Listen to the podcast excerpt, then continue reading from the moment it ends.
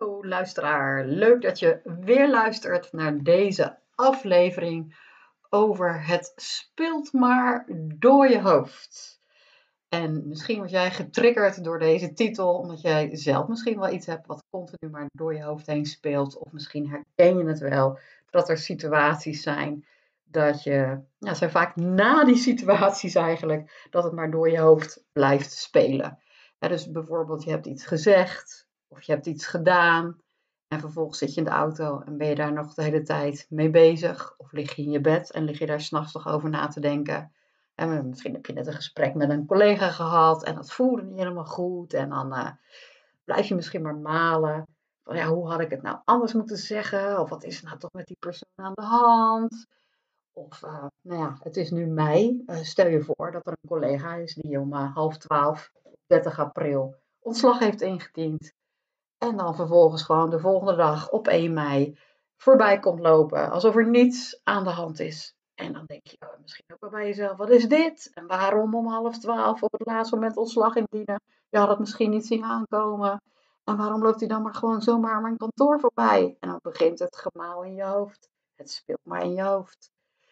Um, ik weet ook dat er luisteraars zijn die bijvoorbeeld betrokken zijn bij het inschrijven op aanbestedingen die grote projecten, die grote opdrachten waar je mee bezig bent, dat is ook echt zoiets wat dan maar continu door je hoofd kan spelen. Doe ik het wel goed?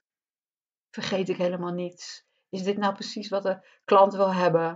Ik kan het zelf wel eens ook hebben trouwens als ondernemer bij het ontwikkelen van nieuwe producten of een nieuwe training. Dan blijft dat ook maar spelen door je hoofd. Nou, en zo kan ik nog wel een tijdje doorgaan met legio voorbeelden die ik zelf ook wel eens gehad heb wat maar door mijn hoofd bleef spelen. En dat was dan vooral s'nachts. Uh, maar heus ook wel, ja, ik liet net al vallen in de auto uh, bijvoorbeeld. Nou, misschien herken je dat ook wel. En het speelt dan maar in je hoofd en het blijft maar malen. En dan roept dat vaak de vraag op van, ja, hoe krijg ik het weer een beetje rustig? Of hoe wordt het weer een beetje helder in, uh, in mijn hoofd? Waar ik ineens aan moest denken, in de afgelopen weken heb ik naar een televisieprogramma gekeken en dat heet De Verraders. Afgelopen vrijdag was de finale en misschien heb je het niet gezien, dus ik zal heel kort even het televisieprogramma uitleggen. Het is een programma waarin meerdere afleveringen, maar het start oorspronkelijk met ongeveer 20 deelnemers. In dit geval waren het bekende Nederlanders.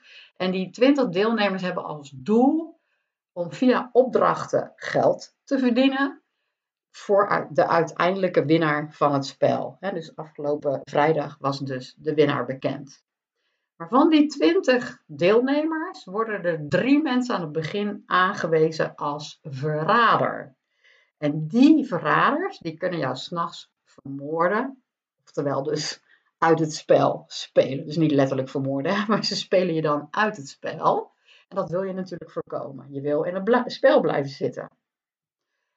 En verder wordt in iedere aflevering eigenlijk op een democratische manier besloten welke speler verbannen wordt. En dat is dus eigenlijk, hè, als er een vermoeden is, jij bent de verrader, dan gaan we op jou stemmen. Want jou als verrader willen we eruit hebben, uiteraard, uit het spel.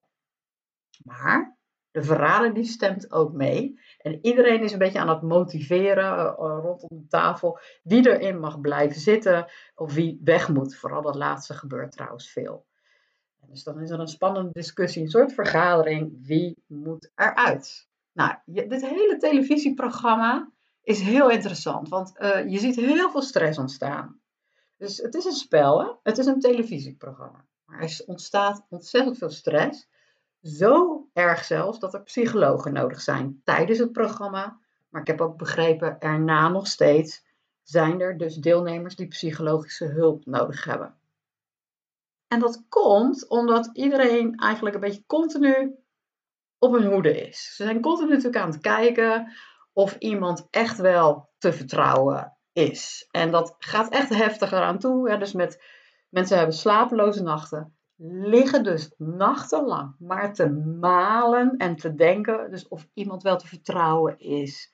En dat gaat zelfs soms zo ver dat mensen paniekaanvallen hebben. Maar ook overdag zijn er woede-uitbarstingen. Er zijn wat dominante types natuurlijk aan tafel die dan ineens heel overtuigd gaan lopen doen dat iemand een verrader is en jou misschien als getrouwe wel beschuldigt. Heel interessant. Heel interessant programma. Wat voor mij zie ik in dat televisieprogramma de drie principes, de drie principes volop in actie. En voor degenen die nog niet bekend zijn met die drie principes, of voor het geval je weer even een herinnering wil, die drie principes die beschrijven onze menselijke ervaring. Dit televisieprogramma is een en al menselijke ervaring. En de drie principes die beschrijven dat het leven beleefd wordt via het denken. Er is leven en dat wordt beleefd via het denken. En dat komt in dit spel volledig tot uiting. Het is, er is een spel wat echt compleet en alleen maar beleefd wordt via het denken. En zoveel denken zelfs, dat ze dus slapeloze nachten hebben. Zelfs huilen. Mannen die huilen van dit spel. En het laat zo erg goed zien dat als er denken is, als er veel denken is wat wat negatiever is, wat stressvoller is, wat wantrouwiger is, dat dat denken alleen nog maar harder en harder en harder lijkt te gaan. En heel veel sensaties dus met zich meegeeft. Dus die woedeaanbarstingen, die, die, die onrust, die al dat ongemak wordt dan volledig beleefd. Het laat het zo goed zien. Maar voor mij zag ik ook gewoon een overlapping met het bedrijfsleven. Je zet een groep mensen bij elkaar. In dit geval waren het 20 mensen. Misschien werk je ook in een organisatie of in een afdeling met 20 mensen. En laat het er meer of minder zijn. Maar we zijn een onderdeel van een collectief. En op het moment dat jij de kantoordeuren binnenstapt, begint het spel op kantoor. Misschien ook wel herkenbaar. Er zijn net zo goed bij jou op kantoor ook bondjes. Er zijn er groepsvormingen. Worden de vriendschappen gesloten. Ook dat gebeurde in dit spel. In dit spel werden er zelfs vriendschappen gesloten met de verraders. Ook dat gebeurt in het bedrijfsleven. Je gaat misschien juist wel met iemand om die eigenlijk helemaal niet te vertrouwen is. Maar je gaat misschien juist ook om met mensen die wel te vertrouwen zijn, maar begin je te wantrouwen. Super interessant om dat te zien. Wat er eigenlijk gebeurt voor spel op je werk. En zo vond ik het ook heel leuk in dit televisieprogramma dat er één deelnemster was, een topsporter, die al vrij snel aan het begin van het programma doorhad die in ieder geval één van de verraders was. Maar zij wist dus dat als zij dat kenbaar zou maken, dat de kans groot was dat zij uit het spel gespeeld zou worden. Dat zij dan wellicht verbannen of vermoord zou worden. Dus zij hield haar mond. Ze speelde het spel heel erg tactisch. Op de televisie zag dat er voor mij, in mijn ervaring natuurlijk, hè, in mijn beleving, zag dat eruit als misschien wat apathisch. Wat achteroverhangend. Ze speelde het spel niet echt mee. Dat werd er gezegd door haar medespelers. Om een lang verhaal kort te maken, ze heeft het spel uiteindelijk gewonnen. Het leek alsof zij het spel niet speelde, maar ondertussen won ze het spel. En dit vind ik ook weer zoiets herkenbaar voor in het bedrijfsleven. Soms beschuldigen we onze collega's ervan dat ze niet helemaal in het spel zitten, maar blijken wel gewoon volledig in het spel te zitten. Maar misschien op een andere manier dan dat jij het doet. Ik vind het een fantastisch programma. Zo kan ik nog een tijdje doorgaan. Maar wat voor mij het vooral laat zien, dat het een spel is. En als ik televisie kijk en ik kijk naar het spel, dan kan ik dat ervaren. Dan kan ik kijken naar zo'n televisieprogramma. En soms heb je dat misschien ook wel eens bij een spannende film. Dat je helemaal meegaat in het verhaal. Maar is er steeds iets in je hoofd, oh ja, maar het is niet echt. En dan ga je soms weer helemaal mee in het verhaal. Oh ja, maar wacht even, het is maar een film. Alsof je tegen een klein kind die aan het dromen is over monsters, ook de volgende ochtend zal zeggen: joh, maar monsters bestaan niet. Het was maar een droom. Het is niet echt. Ook tegen die spelers is dat waarschijnlijk gezegd, hè, tegen de spelers van de verraders, toen ze eruit kwamen: joh, het was maar een spel. Maar wat zou er gebeuren als je zou zien dat eigenlijk het hele leven maar een spel is? Ik zei net gekscherend tegen mijn eh, partner, als wij straks een jaar of tachtig zijn en uh, we zitten ergens daar in Spanje, lekker zo op ons terrasje, dan zien, kijken we toch ook terug naar ons werk, alsof we gewoon een spel gespeeld hebben. Alsof wij dat spel moesten spelen om geld te kunnen verdienen. Maar er staat eigenlijk verder helemaal niets op het spel, om nog maar even een woordspeling te maken. Voor mij voelt het leven ook wel eens als een soort film. Er wordt een verhaal gespeeld en jij als persoontje bent deelnemer in dat verhaal zodra wij daaraan denken. Dat is het verhaal. Maar die filmdoek waarop dat verhaal wordt afgespeeld, die televisie waar de verraders op af werd gespeeld, die is niet stuk te krijgen. Welk verhaal er ook maar op afgespeeld wordt. En voor mij voelt dat altijd een hele korte weg naar datgene wat ik steeds weer zoek. Als ik het gevoel heb dat ik meega in een dramatisch verhaal. Als ik slapeloze nachten heb.